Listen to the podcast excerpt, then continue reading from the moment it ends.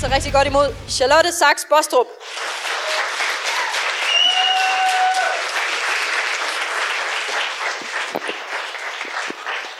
Hej. Velkommen til Sandes Salon. Er det med håndholdt mikrofon? Nej.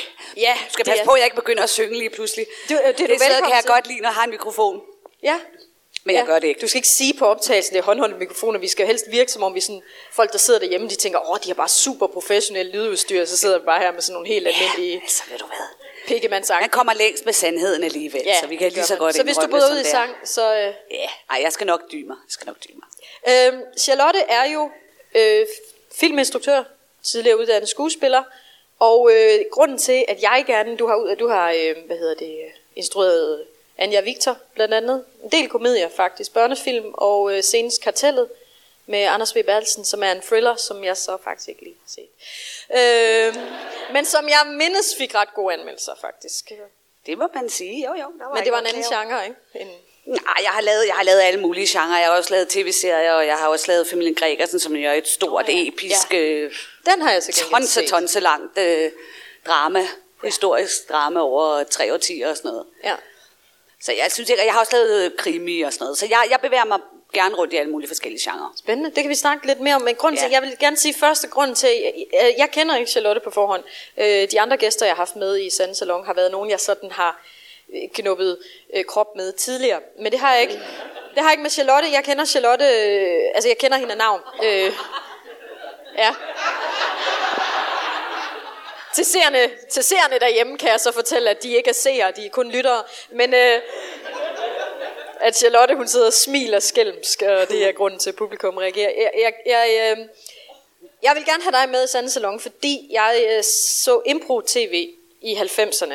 Jeg ved ikke, om I husker, der var meget sådan noget, så hatten rundt og sådan nogle ting. Øh, og der var sådan et impro-program, og jeg kan ikke huske, hvad det hed. Det kan jeg heller ikke. Nå, Men jeg var med i det.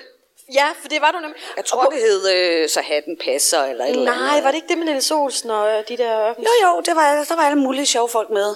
Det var, sådan noget, det var sådan noget med Eddie Michel og, øh, hvad hedder hun, øh, Sisse Babette Knudsen var også med, kan Ja, ja, ja, ja. og du var Lars vildt. Brygman og... Du var ja. vildt sjov. ja. Ja, det er det, jeg sådan... ja. Men problemet er, at jeg ikke kan finde... Internettet eksisterede ikke i 90'erne, så det, der er ikke noget... Altså, Det er det er fuldstændig... Ja, altså... Det er på vej på nogle radiobølger langt ude i den Ja. fjerneste del af Så jeg galaksen. kan, ikke, jeg kan ikke bevise... Jeg skrev, jeg skrev faktisk til Charlotte, husker jeg rigtigt, eller har jeg bare verdens mærkeligste henvendelse, hvis det ikke var... Jeg husker, jeg grinede meget af dig i 90'erne. Gjorde jeg det? Og hvis hun så bare skrev tilbage, nej, det var Lex og Klatten. Ja. Øh, bare- vi var faktisk lidt før Lexaklatten. Men det var jo inden, det var jo inden at, man, at man havde importeret stand-up fra USA her til Danmark. Der, der er den måde, man kunne være sjov på en scene på, på den der lidt mere loose måde. Det var det, der hed improteater eller teatersport, improcafé og sådan noget. Og det er sikkert alle sammen alt for unge til at kunne huske noget. Og, kan I godt huske det lidt? Ja. Og sådan grundprincippet i det er bare, at man har nogle spillere på en scene. Nogle gange har man to hold, der kæmper mod hinanden, og så skriver publikum nogle sædler, der ryger ned i en hat. Og så skal skuespillerne lave scener ud fra det. Og, det er også, og nogle gange skal man også synge en sang. Så skal man ligesom improvisere en sang, og det, er det, det, det kan godt komme over mig lige pludselig. Øh, nå. Men, øh, så vi skal, bare, vi skal bare lige bede om stikord for salen. Nej, jeg gør det altså ikke. Nej, nu er det simpelthen for længe siden. Jeg, jeg tror sgu ikke, jeg gør det. Men, øh, men det, var sådan, det var sådan, folk gik ud og morede sig dengang på den lidt øh, løse måde. I dag er det, er det jo fortrængt totalt af stand-up. det, det, det var sådan, folk gik ud og morede sig dengang. Ja, nemlig. Dengang PH skrev de gode revyviser. Og Those were the days. Men, øh, fornemmer jeg en vis bitterhed over øh, stand-upperne? Jeg synes, det lyder som lidt... Øh... Ja, jeg synes, I fylder meget. Det synes jeg, I gør. Jeg synes, I har, I har møvlet jer ind. Øh, overalt og alle vegne. Altså. Ja. nu kan man jo ikke få lov til at være sjov længere i, i flok. Nu skal man partout stå helt alene og kunne fyre den af. Men jeg kan egentlig meget bedre lide, når man er sådan lidt sammen om det. Ja. Men det er ikke blevet, det er ikke moderne længere. Det er jo sgu da på grund af jer, tænker jeg. Så, øh, Ja. men vi kan jo komme stærkt Helt tilbage. ærgerligt. Ja. Øh, jeg taler nogle gange med mine gamle impro-kammerater om, at vi skal lave sådan et øh, olle-kolde impro-team. Når vi er blevet sådan virkelig, virkelig gangbesværet, og øh, gebisset sidder løst og sådan noget. Jeg er helt sikker på, at man kan hente nogle rigtig gode grin, hvis man kan trække øh, tænderne ud af munden og, og lave sådan nogle rigtig gamle mennesker. Fordi da vi var unge, der var vi jo nødt til at putte grå parrykker og tykke briller på og sådan noget. Men, så måske kommer vi og, og Ja. fortrænger jer om Det kan godt være, 10-30 at, år. De der teatersportsøvelser bliver lidt vanskeligt, når man lige skal have rollatoren sådan ind Nej, på scenen. Ja, Jo, jeg hold, hold den tanke. Hvad ser på den anden side, man- på skøjter. Ja, ja. Men man kan jo også få sådan en lille, sådan en lille knallert øh, kørestol. Altså, de, de, de, er rimelig mobile. Hvis man har sådan en joystick, så ved jeg, at de kan bakke og dreje og alt muligt. Ja, Ja. ja. Det får vi løst, alt det ja. der. Jeg kommer ridende på min ganger. Ja. Ja. ja. Øh, ja. Jeg havde jo ikke regnet med, at du var så bitter på stand-up komiker. Jeg Så bitter, så, så bitter er jeg heller ikke. Nej. Nej, Øh, kun lidt. kun lidt. Ja. Nej, jeg er, faktisk, jeg er ikke så bitter, det er jeg ikke. Men vi havde det sjovt dengang, det må man sige. Det havde vi. Ja, jeg, jeg, jeg læste bare lige øh, en... Øh, nu siger jeg ikke, hvem det var, men det var sådan en tv-vært, som var sådan... Ja, ja, de feminister i dag, de er jo simpelthen så skængere, hvilket jo er en ny anklage mod feminister. Det har man aldrig hørt før. Altså, det er sådan helt... Wow, original tanke. Øh, hvor hun var sådan... Altså, ja, de er så skængere. Fordi for 8-10 år siden, der blev jeg tit bedt om at komme ud til 8. marts arrangementer. Og det bliver jeg ikke mere. Og det tror jeg for, fordi jeg sagde sandheden. Eller fordi du er blevet forældet. Ja, det, kan, det bliver man jo hurtigt. Så så det altså, tiden ej, går, og så bliver ej, man forældet. Det, det, det, det er svært. Det vil du også blive en dag, den skat. Ja, det- lige det kan du være helt sikker på. Det. Det er for øvrigt meget sjovt. Jeg ved ikke, om du, om du kender til denne her undersøgelse. Man har lavet sådan en undersøgelse, hvor man har undersøgt, hvordan øh, mennesker reagerer på forskellige stemmer. Mm. Og øh, når man så tager mænd, som skal lytte på henholdsvis øh, kvindestemmer og mandestemmer, det her er altså rigtigt, det er videnskab det her. så når de hører en kvinde tale, så holder de meget, meget hurtigt op med at høre efter. Fordi der, der kommer en fysisk reaktion ind i mandens krop, når, når, når stemmen er lys, som gør, at han bliver nervøs. Altså han, han får det dårligt. Og så, og, så, og så bliver han så han i forsvar, og så kan han simpelthen ikke høre efter. Og, og det, det, det tror jeg, vi kan lære meget af, hvis vi integrerer den viden. Altså blive nervøse over... Nej, men jeg tror, hvis du gerne vil trænge igennem til en mand, så er du nødt til at lægge stemmen meget ned. Ja. Og tale langsomt. Jeg vil godt sige til dig. Fordi de kan, de kan ikke, altså det er ikke engang noget, de kan gøre for. Nu går du ud med skraldet. Ja. Jeg er sikker på, at det vil virke i hvert fald. Altså, de, de kan vidderligt, vidderligt ikke gøre for det. Men det- altså, Men jeg har faktisk læst det, det, det, det, det, det er ikke, Charlotte sidder ikke og trækker jer rundt, men det er rigtigt nok. Øh, folk, folk opfatter også dybe stemmer som mere autoritære, og lyse stemmer som mere nervøse. Og problemet er faktisk, at når man er nervøs, så bliver ens stemme lysere. Også for mænd. Det, så hvis man i forvejen er en kvinde med en meget lys stemme, og man så skal op og lige præsentere til, til med PowerPoint, ja. så kan det godt blive en lille smule skængert.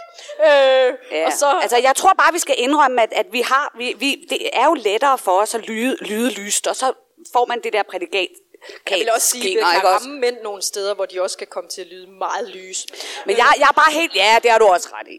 Men jeg, jeg er helt sikker på, at det der sker, jeg har tænkt meget over det nemlig, det er, at små drenge har jo haft mødre engang, og de har med 100% sikkerhed fået en masse skæld ud af deres mor. Og den sådan skam og skyld, som, som så lærer sig i kroppen hos den lille dreng, den får de aldrig rigtig transcenderet. Så når deres kvinde eller chef, eller hvem det nu er, øh, eller bare en kvinde på fjernsynet de taler hurtigt og lyst, så sker den der fysiske reaktion. Det er noget med den der lille dreng, den lille sårede dreng derinde. Han får simpelthen helt nervøs. Men det har vi jo alle sammen. Vi har jo alle sammen fået skæld ud af vores mor. Så vi har jo også... Ja, jeg ved ikke, hvorfor det går sær- særlig hårdt ud over mænd. Altså, måske, jeg ved det ikke. Har, har vi ikke nogen mænd herinde, der kan prøve at forklare det her? Kan, kan I, Vandre mikrofon, kan I genkende? Kan, Øh. kan I,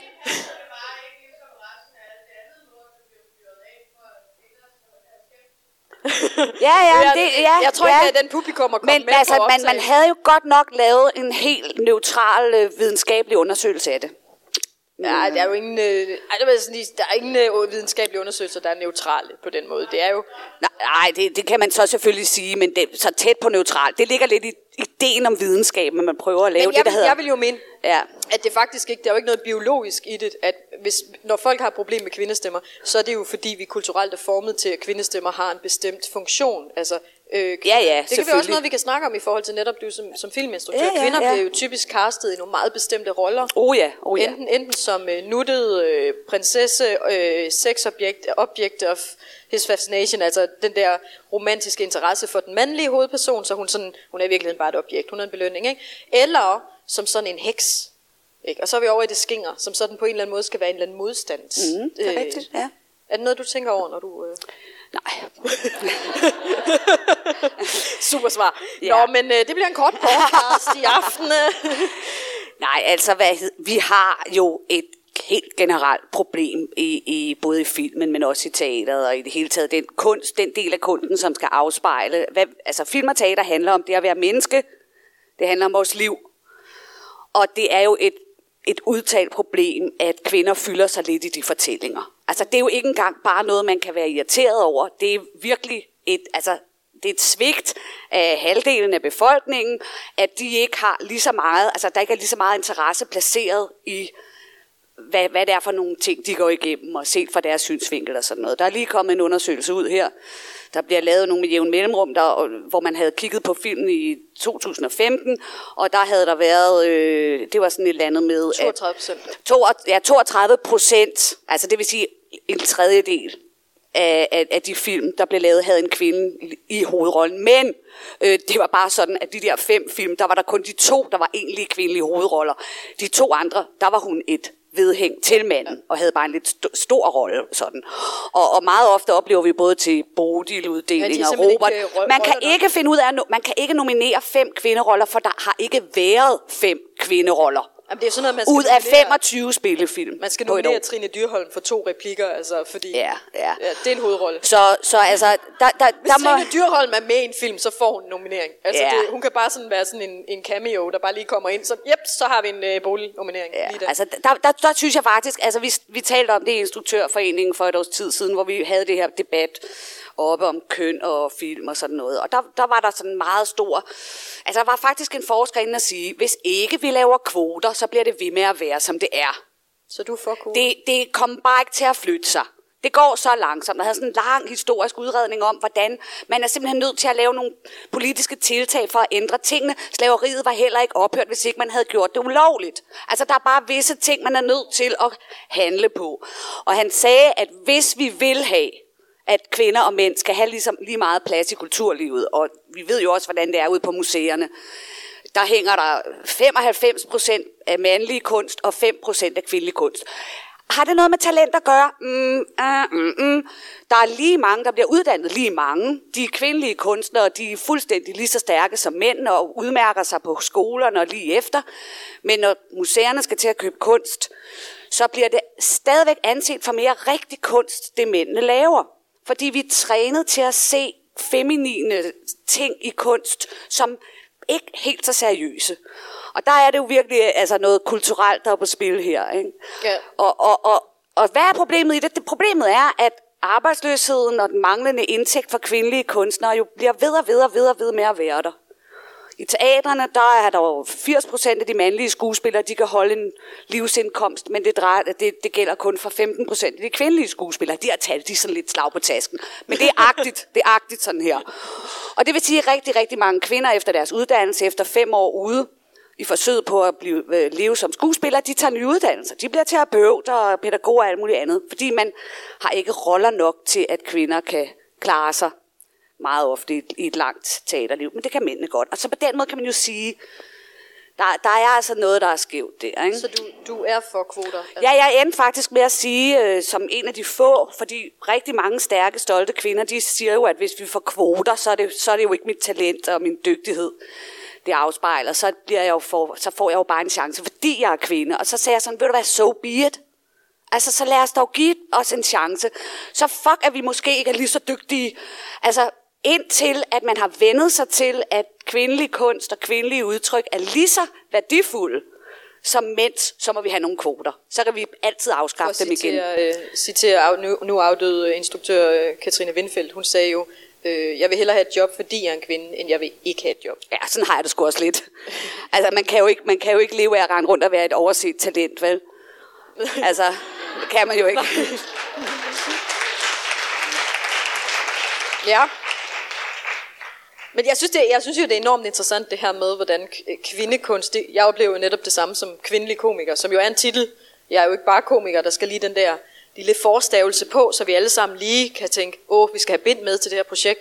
Mm. Øh, det, det, det, jeg laver, bliver sådan karakteriseret som kvindekomedy. Og det er fordi, jeg taler om kvindelige erfaringer, fordi Det gør jeg. Jeg er en kvinde, jeg har kvindelige erfaringer. Men der er jo ikke nogen af mine mandlige kolleger, der laver mandekomedy. Altså selv Nej, nej. sådan, altså, det er, om stadig, at det, er jo, boller og sådan noget. jamen, det er jo stadigvæk sådan, at mænd er mennesker, og kvinder er kvinder. Ja. Ikke? Altså, det, det, er, det er det jo. Vi, det er jo ikke fordi, der er nogen, der vil have, at det skal være sådan. Jeg tror ikke engang, der er nogen mænd, der vil have, at det skal være sådan. Altså, jeg, jeg er måske nok feminist, men jeg, jeg, jeg, jeg, jeg har slet ikke den der vrede mod mænd eller noget som helst. Jeg har... Du er bare vrede øh, mod alle. Nej, overhovedet ikke. Nej, tværtimod.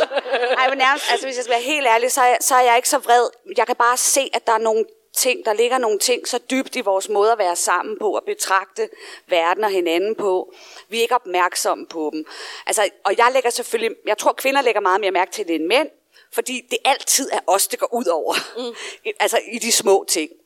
Og, og det kan godt være, det er små ting, men jeg kan ikke lade være med at blive irriteret, når jeg ser for eksempel Clemen, kom ind hos Clemen, eller gå aften med Clemen, eller hvad det nu hedder, det her program. Der, de har sikkert hed, der har været programmer, der hed at det er ikke debatten, det er det andet talkshow, han har. Cremen med Clem. Cremen af Clemen, ja. Jamen, jeg bliver også lidt irriteret, fordi så har han en, en, en, en mand inde, det kan være en skuespiller, så sidder de og snakker sådan virkelig eye to eye, og det går lynhurtigt, og ping pong, og da da da da da da. Den næste gæst er så en kvinde. Og så krøller Clemen sig sammen, og bliver blød og mild, og siger, det, det, du, øh, ja, altså, det, du hedder Falula. Det, det er da et sådan sjovt navn. Hvad, øhm, hvordan, hvordan fandt du egentlig på, at du skulle hedde Jamen, Falula? ikke, han må ikke tale så højt, fordi så bliver kvinder jo bange. Men altså, øh, nå, var det sådan? Ej, ej, hvor sjovt og sådan noget. Altså, lige pludselig så falder hele dialogen ned på sådan et barneniveau, og, øh, og, og kvinderne bliver altså tit udtaget, ud, udsat for sådan nogle virkelig meget kedelige spørgsmål, og der går 10 minutter, før man opdager, at hun har hjerneceller. Fordi så har hun ligesom, du ved, selv taget til den og begyndt at ligesom snakke om noget, der betyder noget for hende, og vigtigt, og hendes kunst og indhold og alt muligt. Men, men sådan noget der, det bliver jeg virkelig irriteret over. Så skriver jeg noget surt til Clement på, på Facebook. Tal lige og tal over til, til kvinder, som om vi kan tænke og sådan noget. Gider du ikke godt det? Øh, Clement, han er jo sådan en øh, evigt tilbagevendende øh, emne i, i de her podcast, fordi at... Øh, det er en offentlig hemmelighed, at jeg er ikke specielt begejstret for mand. Øh, men det er så gensidigt, så jeg skulle hilse at sige til kvindelige kunstnere, der har, øh, ikke har lyst til, at Clement han taler til dem, som om de er små børn, så skal de bare lige sige i forinterviewet, at de er feminister, fordi at, øh, Så bliver han gal. så skal han nok tale Så får man- et, øh, et, Så får man den der. i et, et ligeværdigt uh, Mette Frederiksen-agtigt tonefald. Så øh, har du været inde ved Clement? Nej, det har jeg ikke. Jeg har sgu for, for forældet til at blive hævet op der, tror jeg.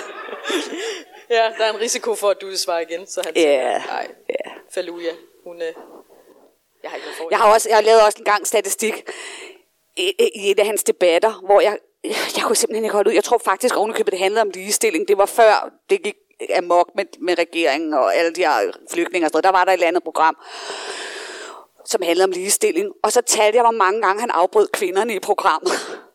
Og hvor stille han blev, når mændene kom. Altså, de fik ligesom virkelig lov til at tale ud. Hver gang det var en kvinde, hver gang, inden hun nåede frem til pointen, så afbrød han afbrød. Jeg fik simpelthen ikke lov til at høre, hvad det var, de ville sige. Der skrev jeg også en klage. Og den kom igennem, fordi det, jeg kender faktisk en af dem, der arbejder på hans redaktion, og han sagde til mig forleden dag, Nå Charlotte, det er sjovt at se, du er sådan lidt aktiv derude på Facebook og sådan noget. Var ja, ja, du skrev jo noget om vores program der. Ja, jeg sagde det til Clemen, han har virkelig været opmærksom på det siden. Og. Øh, ja, øh, især det, ja, det der famøse interview, han lavede med Mette Frederiksen, som jo ikke, det er jo ikke for at sige, at Mette Frederiksen, hun er sådan en, der ikke fortjener at blive afbrudt, for det gør hun, men det er bare, det er bare sådan lidt, øh, hvor man tænker, øh, ja, men altså, når, hvis nu manden ikke var kendt for i forvejen altid at afbryde folk, så ville man måske Ja, det ved jeg ikke. Vi skal ikke snakke mere om Clement. Ej, fordi pyt ham. godt- det går bare over i, øh, det går bare over i mig, der er bitter og aldrig nogensinde bliver inviteret ind i cremen hos Clement, eller hvad fanden det nu hedder. Det er da også helt ufattelig mange øh, shows, den mand han har kørende på tv på én gang. Altså, det er ham og Emil Thorup, der styrer hele DR. Altså, det er... Jeg er faktisk ikke engang sikker på, at det er to forskellige mennesker. Det. Jeg tror, Spørgsmålet er bare, hvem der er inde i hvem. Ja. Øh. Men jeg tror, det er sådan lidt Dr. Jekyll og Mr. Hyde i virkeligheden. Det er sådan... Og nu bliver det fandme uhyggeligt, synes jeg. Clemen om dagen og Emil om natten. Det er jo derfor, han går med makeup Emil, ikke? Det er sådan, han skal lige kamuflere det der. Ja. Men det vil sige, når du, øh, når du kaster øh, filmroller og sådan noget, så tænker du ikke over netop øh, at give kvinderne mere plads, for eksempel, eller Fordi så bliver det jo, så skal du jo lige pludselig selv være den, der... Jamen altså, altså jeg, jeg vil sige det sådan. Jeg har, jeg har jo rigtig mange gange haft lyst til at lave historier, hvor kvinder fyldte rigtig meget. Og det, det jeg gør, for det første, så, så gør jeg sådan, at hvis en rolle lige så godt kan udfyldes af en kvinde som en mand, så, får, så går den til en kvinde. Mm-hmm. Så hvis der er en læge eller en meget, meget ofte, nogle gange, så har jeg bare brug for en mandlig kvalitet af en særlig art. Og det er så, fordi jeg gerne vil vise noget om mænd, så er det klart, at jeg bruger en mænd. Og, øh, Hvad kunne det være? Jamen, for eksempel, så, øh, jeg kom lige til at tænke på, at i Kartellet, som er en, en film, der handler om korruption i den danske byggebranche. Meget mandet, meget mandet, men det interesserer mig vældig meget, fordi det viser sig jo, at, at de her korrupte entreprenører, de øh, aftaler priser og byder øh, op og over hinanden, og øh, på den måde så bliver hele fællesskabet jo udsuget. Når de skal bygge en skole, så tager de lige 8 millioner oveni for det, og så deler de i porten og sådan noget. Ikke? Så det er noget, noget rigtig grimt noget, der foregår der. Og der skulle jeg så på et tidspunkt i den film øh, have en scene med en, øh, min held, det er så Anders, og det er en mand, og det er fordi, det er er mænd, der laver, der er bygningsentreprenører. Sådan er det bare. Der findes ikke en eneste kvinde i Danmark. Så der er også noget med troværdighed der. Men han skulle så op og holde et møde med, med sin bankmand. Og der havde det bare sådan, at det skulle være en mand, fordi han skulle... Jeg havde virkelig brug for, at der var sådan en vis fjoget kvalitet over den der bankmand. Så er du fjoget? Fjoget. ja, sådan en vis, en vis nervøs og fjoget. Og det, og det havde noget at gøre med den magtkamp, der er mænd imellem. Der er rigtig mange mænd med i den film, men det er fordi, den handler om magtkampe mellem mænd. Og det anser jeg jo selvfølgelig som en, et svaghedstegn, som mænd burde kigge på. Hvorfor er de så grådige? Hvorfor har de så meget? Øh, hvorfor kæmper de så tit om magt og penge og, og alt sådan noget? Og hvad er det for nogle mærkelige skolegårds øh, bully-metoder, de bruger til at få magt over hinanden? Øh, og det, så kan jeg jo ikke bare skifte alle mænd ud med kvinder, for så ryger historien jo ligesom. Nej, men jeg ved, jeg havde samme problem. Jeg, jeg, har, jeg har skrevet nogle bøger, og... Øh Øh, Øh, jeg, har, jeg har også sådan, jeg vil gerne skrive stærke kvindelige hovedpersoner, fordi det manglede jeg selv, da jeg var ung, for eksempel at læse bøger. Men så skulle jeg skrive en bog om en øh, soldat i Afghanistan, og det var min ambition, at det skulle være en kvindelig soldat. Men jeg løb simpelthen ind i nogle problemer i forhold til, hun ville have nogle andre, hun ville simpelthen have nogle kønsproblemer. Hvis hun var altså hvis man er kvinde, og man er i så maskulin et miljø, som en krig er, med en masse mænd, så vil hun gå ind i en masse køn, kønnede konflikter. Og det havde jeg egentlig ikke lyst til at fortælle en historie om, altså jeg havde ikke lyst til at lave G.I. Jane. Jeg havde mm. lyst til at fortælle en historie om en almindelig soldat, og en almindelig soldat er jo altså ofte en ung fyr.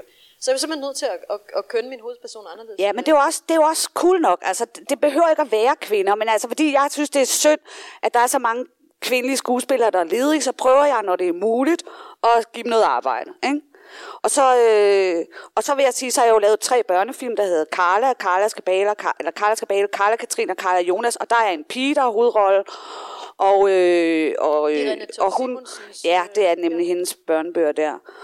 Og det har betydet rigtig meget for mig at lave det der projekt, at kunne fortælle historier til øh, piger fra sådan 9 til 14, 13-14 år, eller også før, kan, kan de selvfølgelig se dem, og have en, en, en pige der, som hvor det ikke handlede om at være en dukke eller en prinsesse eller noget som helst, men bare en helt almindelig pige med alle de problemer, der er, når ens far og mor er skilt, og far drikker lidt for meget, og ens bedste veninde lige pludselig får nogle andre ja, som, veninder og, og sådan som noget. Som ja. jo i princippet også kan se. Altså. Ja, ja altså jeg tror, det største kompliment, jeg fik til, den film, til de film, det var, at øh, min, min veninde, hun havde taget sin søn med ind og set den, og da han havde set den, så kom han hen til mig og sagde, Charlotte, hvis jeg var borgmester, så skulle alle børn i hele verden se den her film. Oh. Og det, det, det, det, der blev jeg glad, for det var en dreng. Ja. Og øh, så tænkte jeg, skide godt. Og der er nemlig også et andet problem, og det er også en af de her øh, kønskulturelle ting, som ligger så skjult. Og det er, at piger vil gerne se drengefilm, men drenge vil ikke se pigefilm. No. Det er, vi kan se det på salgstallene. Når vi har en øh, børne- og ungdomsfilm med en dreng i hovedrollen, Anboy eller et eller andet, så sælger den 4, 500, 600.000 billetter. Men hvis det er en pige, sælger det det halve eller en tredjedel. Fordi der er noget skamfuldt for drengen ved at gå ind og se en, en, en, en film, der har et pigenavn i titlen. Ja. Er det ikke ja, mærkeligt? Men det er jo... Jamen, det er, da, det er da noget, det er sgu da noget lort, altså. Men det er jo det, der er problemet, ikke? Fordi når manden er mennesket, kvinden er kønnet, ikke? Så, så kvinden, som Men, men det er jo flot, altså det er jo blevet sådan, at det er flot, altså, altså, at mens, altså drengen skammer sig over at have noget med noget pigeagtigt at gøre. medmindre det det- er noget flot noget, Men altså. det er sådan noget Hunger Games, som sådan bryder, Ja, ja, fordi, ja, det fordi må man hun sige. Er, hun er stærk og... Ja, Øh, ja. sådan. Men, men det er jo netop, fordi det er jo det... Altså, og det her det er på børneniveau. Det skræmmer mig ret meget, det gælder allerede på børneniveau, fordi når vi når til voksenalderen, så har, så har drenge ikke vokset op med at identificere sig med kvindelige hovedpersoner. Så begynder de jo ikke lige pludselig. Så, så, så, så sidder man jo ikke som 42-årig og ser en film med en kvindelig hovedperson og tænker, gud, ja, det kunne have været mig, medmindre det er Alien.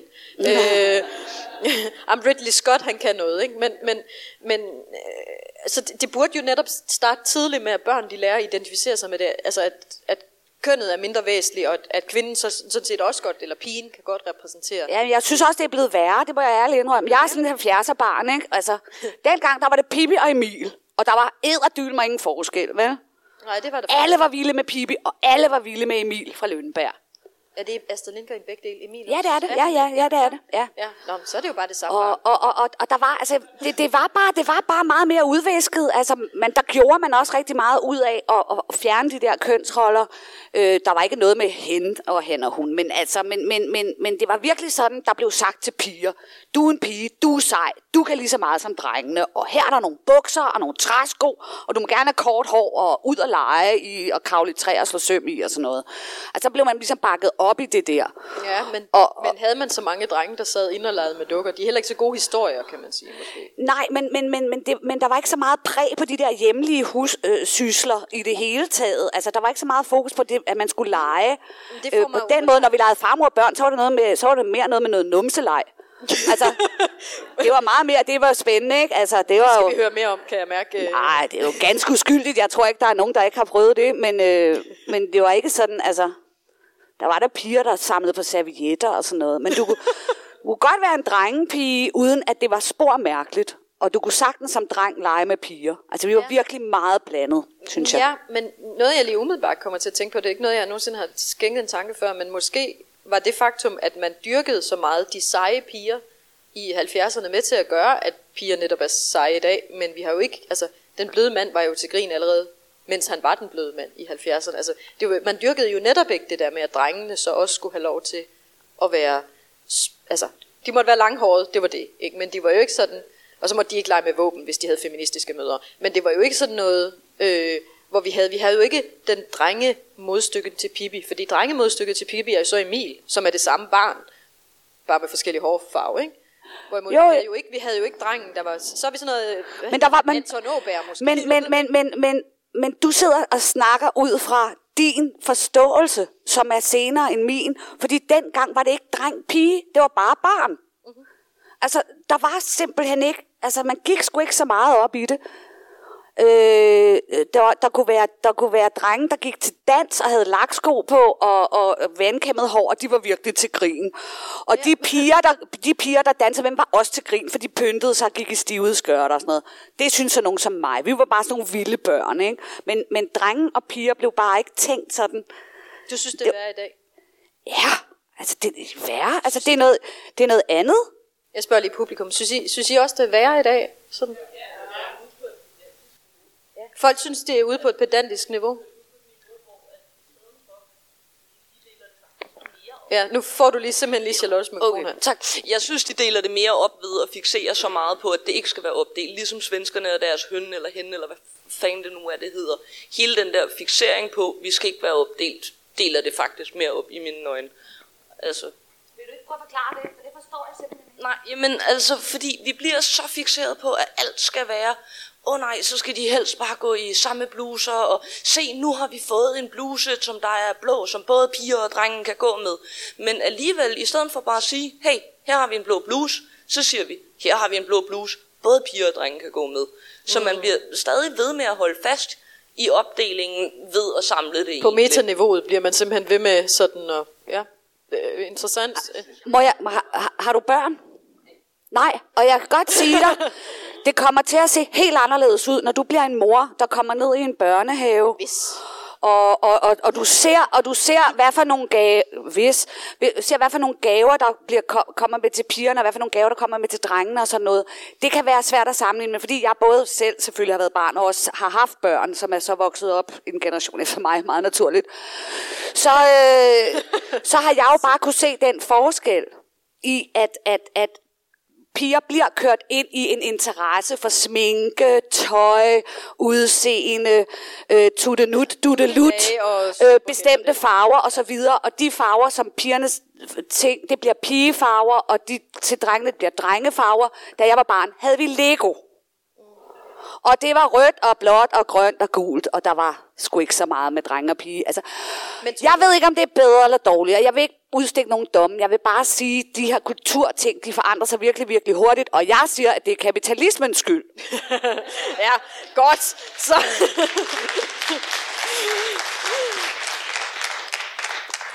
Det er faktisk, øh, det, giver mig måske en mulighed for at snige os over et andet emne, som, som mere er sådan det her politiske, øh, den politiske bevidsthed. Altså, øh, hvor meget betyder det politiske for dig i din kunst? Altså, er det, nu, nu netop for eksempel det, den sidste film, der handler om øh, bedrag i byggebranchen og den slags. Er det, altså, jeg er tror, en, en, en stor historie i det? I det altså lige, hvis det stod til mig nu, så ville jeg nok ikke lave andet end politisk øh, kunst øh, eller politiske fortællinger. Øh, de er svære at komme igennem med. Vi har jo også et støttesystem, hvor vi skal øh, overbevise en hel masse mennesker om at giver os rigtig mange penge, og det er, ikke, det er mange forskellige grupper af mennesker, der skal overbevises. Det er rigtig, rigtig svært at få overbevist dem alle sammen samtidig, fordi de har forskellige interesser. Så, så det der med at tro, at man kan lave de film, man gerne vil, det, det glem det. Det kan man ikke. Man kan overhovedet ikke lave de film, man gerne vil. Der er overhovedet ikke noget med kunstnerisk frihed inden, inden for film nu om dage. Altså det, det, har, det har måske ganske, ganske få instruktører her i Danmark, men alligevel har de det heller ikke. Så, så film er et kommercielt medie. Det skal kunne sælges, det skal kunne skaffe seere til tv-stationerne, og hvis ikke, at det lever op til det allerede på papiret, eller er så kunstnerisk på en eller anden måde, så det kan vinde en pris nede i kanden, og det kan det selvfølgelig kun, hvis det er helt bestemt instruktør, der er på. Dem har vi en 5, 6, 7 stykker af, der har en chance for det. Så, så kommer den film ikke til at blive til noget. Så, øh, og det, er jo, det koster jo 2, 22 millioner til 30 millioner, og måske kan du lave en film for 10, hvis du virkelig øh, nasser på dine gode venner. Men, men, men, men, men problemet er, der, der er ikke så mange, der, der synes, det er interessant nok til, de tror, eller de tror faktisk ikke, publikum vil synes, det er interessant nok. Så den der med kartellet, det var virkelig, vi måtte kæmpe for. Det tog fem år at få den finansieret, og det var virkelig en sej kamp, og jeg var simpelthen så udmattet bagefter, så er det bare sådan, mm. jeg ved sgu ikke, hvad jeg skal gøre, så jeg får afløb for min politik på Facebook i stedet for. det er der mange, der gør. og kæmper der. Men du, øh, der kæmper du meget med miljø, kan jeg se. Ja, det er rigtigt. Sådan en af dine kæpheste. Ja, altså det... Øh, jeg, jeg har måske det problem, at jeg bliver fyr og flamme over alting.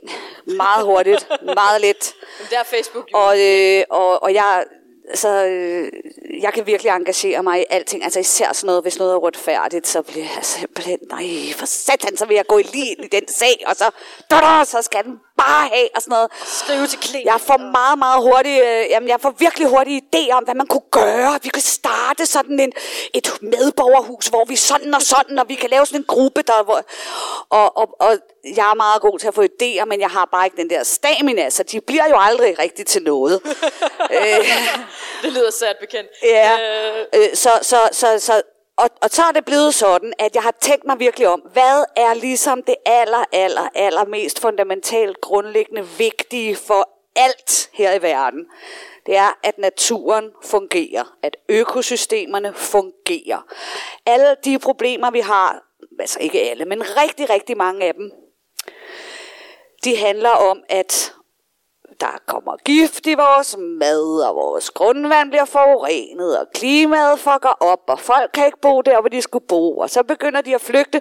Jeg hørte jo for eksempel øhm, Connie Hedegaard fortælle, at en af de vigtigste grunde til, at vi har den her store konflikt omkring Syrien, er, at der har været tørke otte år i træk i en del af Syrien, som betyder, at folk har ikke kunne klare sig. Deres øh, landbrug er gået i stykker, og deres infrastruktur er råd og sådan noget. Og så flytter de i store mængder ind til byen, og så kommer der to forskellige grupper. Nogle, jeg ved ikke, om det er sunni og shia, eller om det hedder noget andet. Men pludselig er der to grupper rivaliserende grupper samlet i storbyerne, og så kommer der, begynder der at komme konflikter, og så begynder nogen at værve og sådan noget. Så, så, så de giver også problemer, altså klimaforandringerne giver politiske problemer, krig og konflikter og alt muligt. Så jeg har ligesom prøvet at begrænse mig og sige, det jeg gør mest aktivt, det handler om miljø. Og så prøver jeg lidt at tage skyklapper på for nogle af de andre ting, for ellers så bliver jeg men det er meget interessant, fordi det, det er der ikke... Altså, for det første er der jo meget få kunstnere, der blander sig i det hele taget, fordi det er sådan lidt, åh, så får jeg ikke statsstøtte.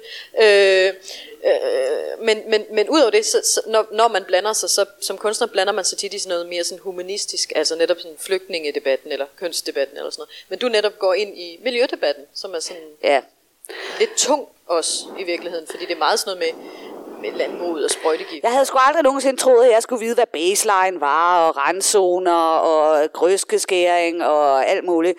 Men, men, men det er rigtigt. Altså, øh, det er jo også fordi, at jeg tror, det der virkelig øh, det for mig, det var, da vi fik nye regeringer, de lagde Miljøministeriet og Fødevare, som jo betyder Landbrugsministeriet, sammen fordi det traditionelt set er to altså meget modstridende interesser, som de to ministerier skal varetage. Og lige pludselig så blev det samlet i et, og så ved man godt, hvad klokken er slået.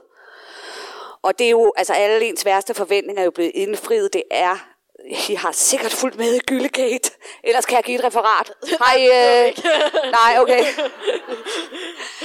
Det er heller ikke et super aktuelt podcast, det her. Så, øh, nej, nej, nej. Men, men, gået af, han er gået af, når, når du har fået noget der sammen ja, til at få lagt det ud. Ja, ja det er super, præcis, du Lige præcis. Nej, men altså, øh, så, og så, og så øh, kom Alternativet, og jeg synes, de står for nogle af alle de ting, som jeg har savnet på den politiske scene.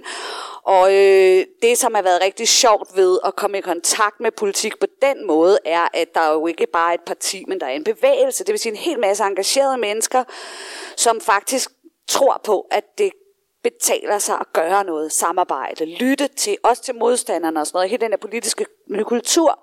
Og, og, og derfor er jeg blevet meget engageret igen nu i politik. Det, det har jeg måske været før, men jeg har nok været ret skuffet over, hvordan hele det politiske system det tror, har mange, øh, fungeret. Men nu, nu øjner jeg håb, og, øh, ja, og så er det så det, jeg gør, lige for tiden.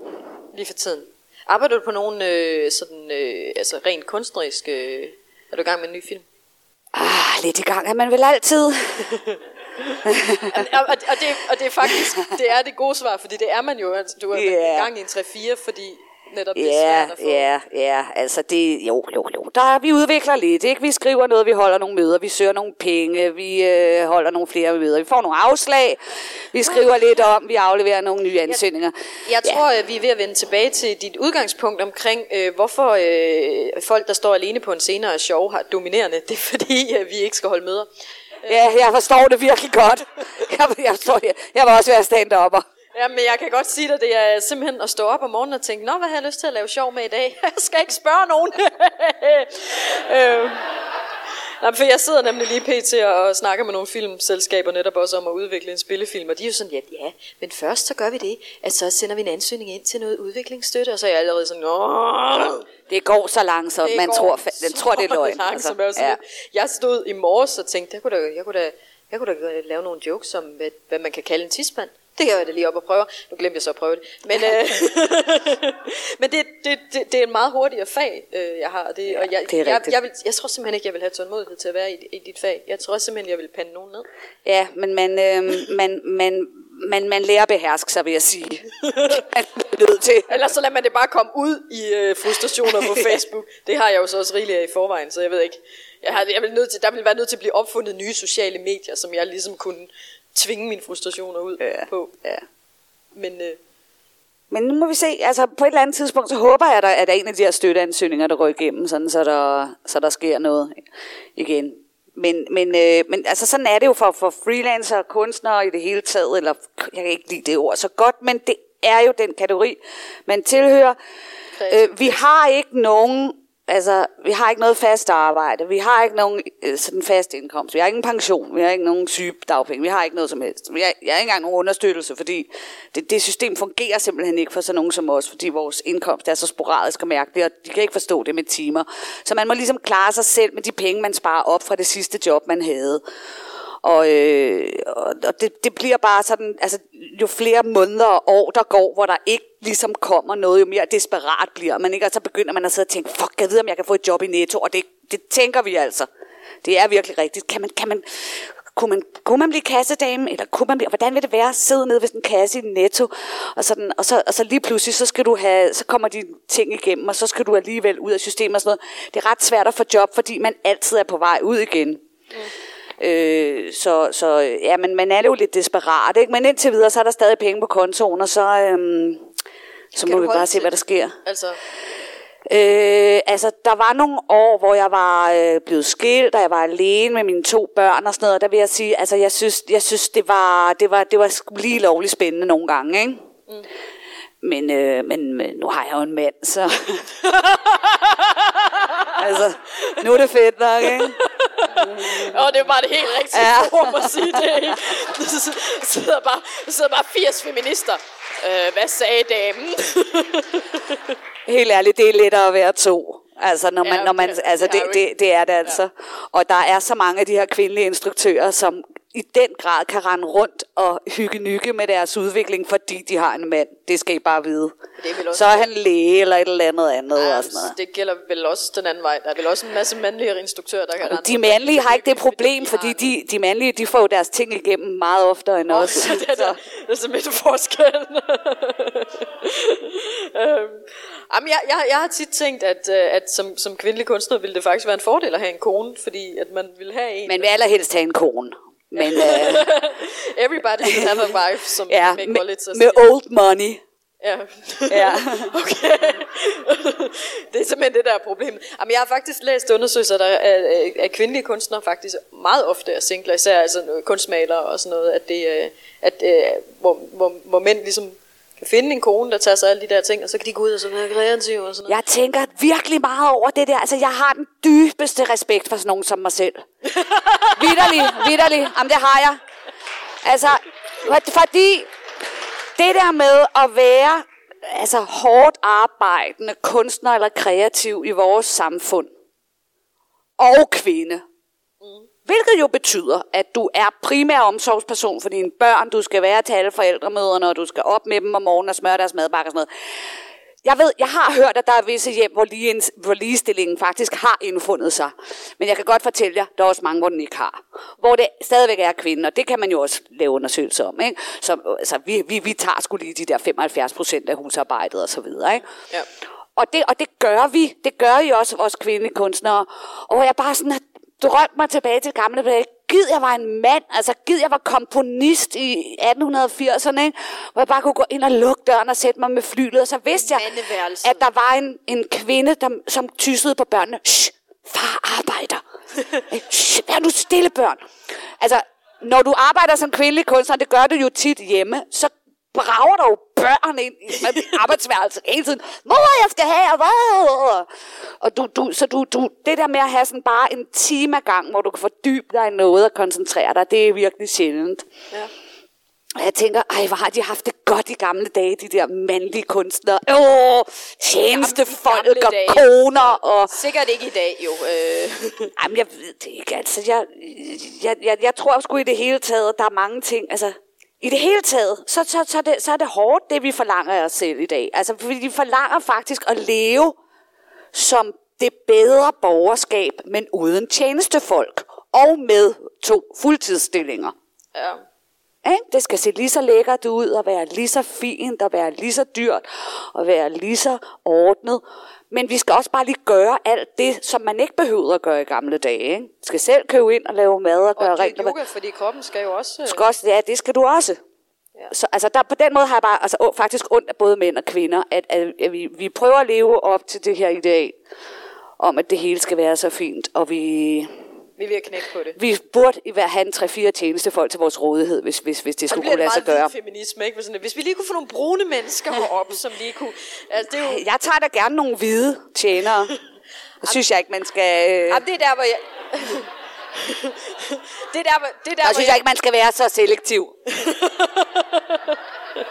det er der, hvor, hvor, hvor, hvor, hvor min feminisme i hvert fald er lidt mere på sådan, det skal, det skal, jo, ikke, det skal jo ikke være sådan, at veluddannede, hvide, vestlige kvinder, de kan få en hel masse på bekostning af socialt udsatte, eller kvinder fra tredje verdens lande, eller sådan noget. Nej. Fordi så, så forrykker uligheden sig bare fra køn til social klasse. Jeg er da fuldstændig enig. Altså, man kan jo helt være, man kan jo ikke være feminist uden også at være so- socialist et eller andet sted, vel? Altså, så, så, så du har da fuldstændig ret. Så løsningen må jo være... Robotter er Ja, robotter, robotter. man- Jeg tror ikke, der vil være feminister, der begynder med, ej, lighed for maskinerne. Øh, Ej, man ved, ej, ej, det aldrig. ej. Altså, Nej, det tror jeg, du har ret i. Vi må have nogle flere maskiner. Men samtidig så tænker jeg på alle de maskiner, der er kommet ind i vores hjem. Har vi fået mindre travlt af dem? nej, det er vildt. Det er sådan ikke lige min oplevelse. Nej. Altså, vi har støvsuger, vaskemaskiner, og tørretumbler, og øh, riskoger, og tror, vi- saftpresser, og bagemaskiner, ismaskiner. Og, Det er jo tiden, vi skal lære på at bruge dem, vi bruger tiden på i virkeligheden, tror jeg. Gør ja. dem rent, og sådan juicepresser, Nå, men Ja. altså, så Ej, men så skal du- godt have presset dem under armene. Nej, nej, nej. Så skal du have sådan en, som jeg har. Den er meget, meget nem at gøre ren. Nå, men det er faktisk en, en meget fin overgang til, til... Nu er det her, øh, den her podcast jo tænkt som det, jeg kalder det intelligente dameblads interview. Altså sådan, sådan som man ville ønske alt, alt for damerne og femina snakke med kvinder, som de nok også efterhånden gør. Men altså, hvor man virkelig kommer ind under huden på, på kvinder, og det ikke bare bliver sådan noget overfladisk. Hvordan får du det hele til at hænge sammen? Det jeg gør, det er, at jeg har en rigtig god juicepresser. Og... Øh, men, men fordi det er sådan i den her genre, så, så, øh, så, så, så slutter jeg altid med at spørge, om, øh, om øh, min gæst har et godt dameblads fif. Det har jeg helt sikkert, men du bliver nødt til at forklare mig, hvad det er. Fordi jeg læser ikke damebladet. Det kunne Så, være øh, et skønhedstip, det kunne være uh. et uh, juicepresser-tip, det kunne være et øh, øh, sådan timeplanner, hvad, hvad, det ved det ikke, altså jeg læser det sgu heller ikke, men jeg ved, det er altid sådan noget, det er altid sådan, ideen med damebladet, det er jo sådan, at, at man, skal, man, skal, man skal læse, hvordan Altså noget med, hvordan man bliver pæn, altså et eller andet. Eller, være, eller tynd, læse, eller Man skal læse, hvad. hvordan de her kvinder, man ser op til, de ligesom får det hele til at hænge sammen ved, at de giver det der...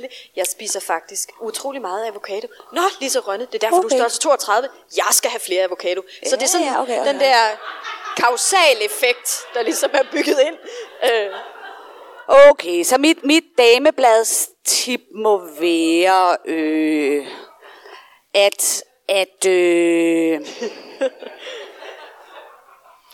altså, tag, altså tag, det, tag det roligt, slap af, altså, slap, Slap af, af. altså, Det ja, er slap også af. godt et. Altså, øh, altså, jeg ved sgu ikke, altså, jeg kan simpelthen ikke se, hvorfor det er så vigtigt, alt det der, vi går og bruger så meget tid på. Jeg kan ikke se det. Jeg så, ikke. slap af, med mindre det er noget med miljøet. Så, så må du godt... Øh, Ja, men altså... Ja, altså, jeg, jeg, jeg, jeg, ja, jeg ved ikke, altså, hvis der er en ting, som jeg ligesom selv har fået det rigtig rart med i min, i min gammelhed her, øh, midaldrende gammelhed, så er det, at jeg... At jeg omkring 50. så- Ja. Ah, jeg, jeg er 52 år, ikke? og der må man altså gerne kalde sig selv midaldrende med en vis stolthed, tænker jeg. ja, okay. Øhm, og det, det jeg, som jeg rigtig godt kan lide ved, ved at, det er, som, altså, jeg, jeg er sgu virkelig øh, lidt ligeglad med, hvordan tingene tager sig ud. Mm. Øhm, et andet, nej jeg, det, nej, jeg tror faktisk, at mit bedste, mit bedste damebladstips, det er at lade være med at få børn. det, det, det, det, fordi, fordi, altså, faktisk er sandheden jo, at jeg har det, jeg har det så godt og, og nemt og rart, fordi mine børn er flyttet hjemmefra. Det havde jeg jo helt glemt lige pludselig. At det var egentlig var derfor, mit liv var blevet sådan helt chiller. Nice. Men, men det er det jo faktisk, fordi det er jo børnene, der roder, for eksempel. Ikke? Og, og man, altså, man kan jo sagtens have et pænt hjem, uden at anstrenge sig, når man ikke har hjemmeboende børn. Altså, så skal der jo ikke gøres noget særligt, vel? mange dameblade, der dør, hvis det der tip det kommer. Og, og, og civilisationer, vil jeg sige. Ja. Men i hvert fald, øh, tak for rådet. Det kan være, der er nogen, der lige nu sidder og tænker, jeg skal da hjem og have en fortrydelsespil. Øh, jeg vil i hvert fald sige tusind tak, fordi du har lyst til at være med. Det var sjovt. Tak for det. Tak.